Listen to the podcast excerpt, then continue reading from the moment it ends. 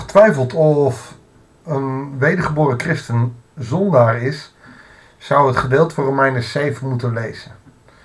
In mijn optiek zegt Paulus daar duidelijk dat hij last heeft van de zonde.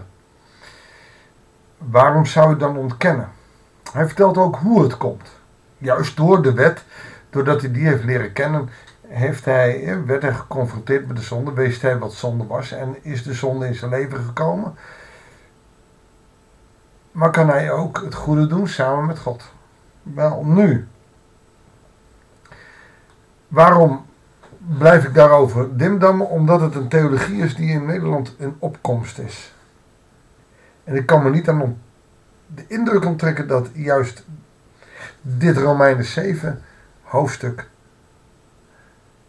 bewijsvoering is dat wij, hoewel wij door Hem en Zijn bloed gereinigd en geheiligd zijn, wij zodra we zondigen, zondaars zijn en afhankelijk zijn van de genade.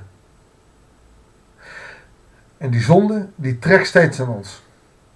Daar gaat dit gedeelte over. Goeiedag, hartelijk welkom bij een nieuwe uitzending van het Bijbels Dagboek. Nogmaals, waarom zeg ik dat? Omdat de nieuwe theologie zegt, wij zijn geen zondaars. Wij zijn geheiligde mensen die af en toe wat fout doen.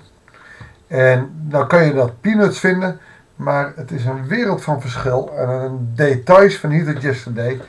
Uh, omdat die tweede, die laatste, ja, als ware laten zien dat je niet meer afhankelijk bent van de genade omdat je al geheiligd bent. Kijk, dat kan er bij mij niet in. We gaan lezen vanaf vers 13. Is het dan het goede dat mij heeft gedood? Nee, natuurlijk niet. Het is de zonde. Maar om mij te doden heeft ze van het goede gebruik gemaakt. Alleen zo kon duidelijk worden wat de zonde is. Oftewel, door de wet hebben wij de zonde leren kennen. Hebben we het goede gedaan, maar het goede, dat trekt ook omdat het zonde aan het goede trekt. Door het gebod te gebruiken laat de zonde zien hoe verderfelijk ze is. Dus we worden gespiegeld door de wet. Wij weten dat de wet het werk van de geest is, maar door mijn natuur ben ik uitgeleverd aan de zonde. Hoe duidelijk wil je het hebben? Wat ik doe, doorzie ik niet. Wat ik doe, niet wat ik wil. Ik doe juist wat ik haat. De zonde is iets wat je haat, wat je niet wil, maar wat je wel doet omdat je onbewust daarmee bezig bent.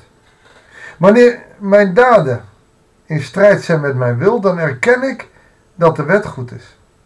Dus wanneer mijn daden in strijd zijn met mijn wil, dan erken ik dat de wet goed is. Omdat de wet mij spiegelt aan datgene wat goed en kwaad is. Dan ben ik het niet, ben ik het niet die handelt, maar de zonde die in mij heerst.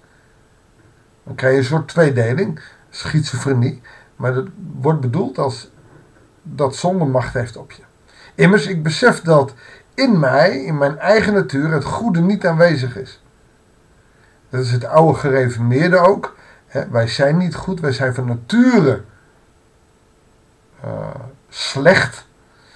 Uh, ik, nuanceer dat heel vaak, ook in het doopformulier. We zijn van nature uh, aan de zonde worden wij blootgesteld en zullen we ook zonde gaan doen. We kunnen er niet aan ontkomen. Omdat onze eigen ik te snel kiest voor het verkeerde.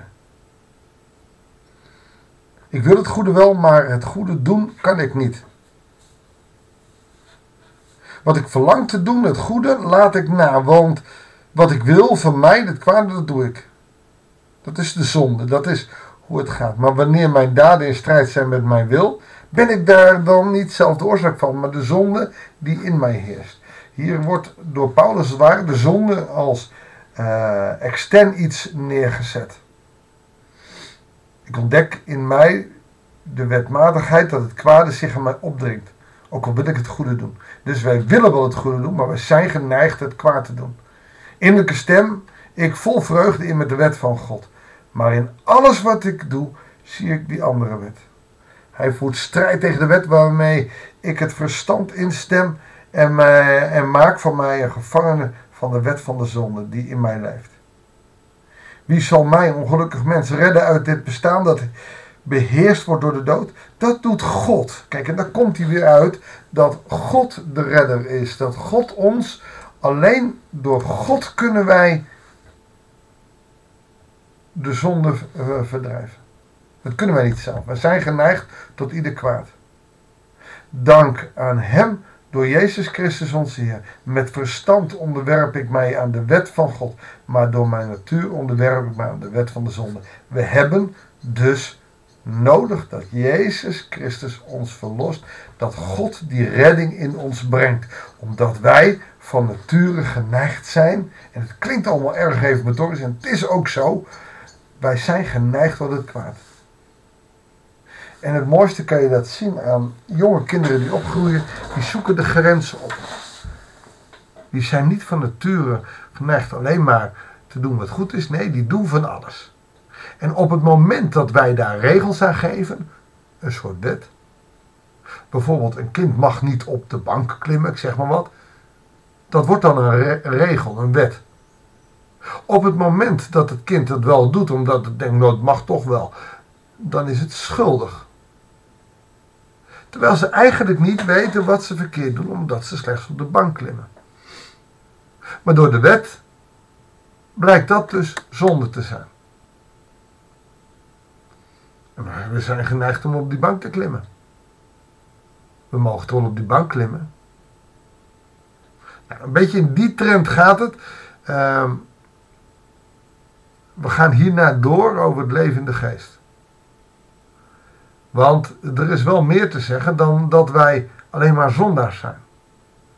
Op het moment, wat gebeurt er op het moment als wij leven vanuit de geest?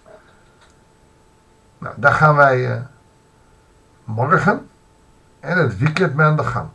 Heel jammer dat een belangrijk en heel mooi gedeelte van Romeinen 8 weer in het weekend ligt. Hebben we voor de toekomst weer wat te doen. We willen samen danken en bidden. Heere God, het is een keiharde confrontatie met het feit dat we gewoon zondaars zijn. Als ik steel, dan ben ik een dief. Als ik iemand doodsla, ben ik een moordenaar. Als ik zondig, dan ben ik een zondaar. Ook al heeft uw bloed, mij geheiligd, ook al heeft uw zoon Jezus Christus mij gered. Als ik zondig, hang ik u als het ware weer terug aan het kruis om te zeggen: Wacht maar even, ik moet eerst even mijn eigen wil doen. Heere God, maar u wilde juist door het offer van Jezus Christus ons de ogen openen door zelf de straf op u te nemen, wilt u tegen ons zeggen, maar ik, ik wil je vergeven. Ik wil je in de vrijheid zetten. Dank u wel voor die genade. Dank u wel voor dat wat u aan ons doet. Je gaat zo met ons mee deze dag. Om vanuit uw geest te leven zonder zonde. Om te knokken tegen de zonde dat niet ik, maar u in mij bent. Heer, vul ons met uw Heilige Geest, zodat we mogen en kunnen leven vanuit uw genade. Dank u wel voor wie u bent. Dank u wel voor uw grootheid. Dit bidden wij en danken wij u in Jezus' naam. Amen. Dankjewel voor het luisteren. Ik wens je God zegen en heel graag tot de volgende uitzending van het Bijbelsdagboek.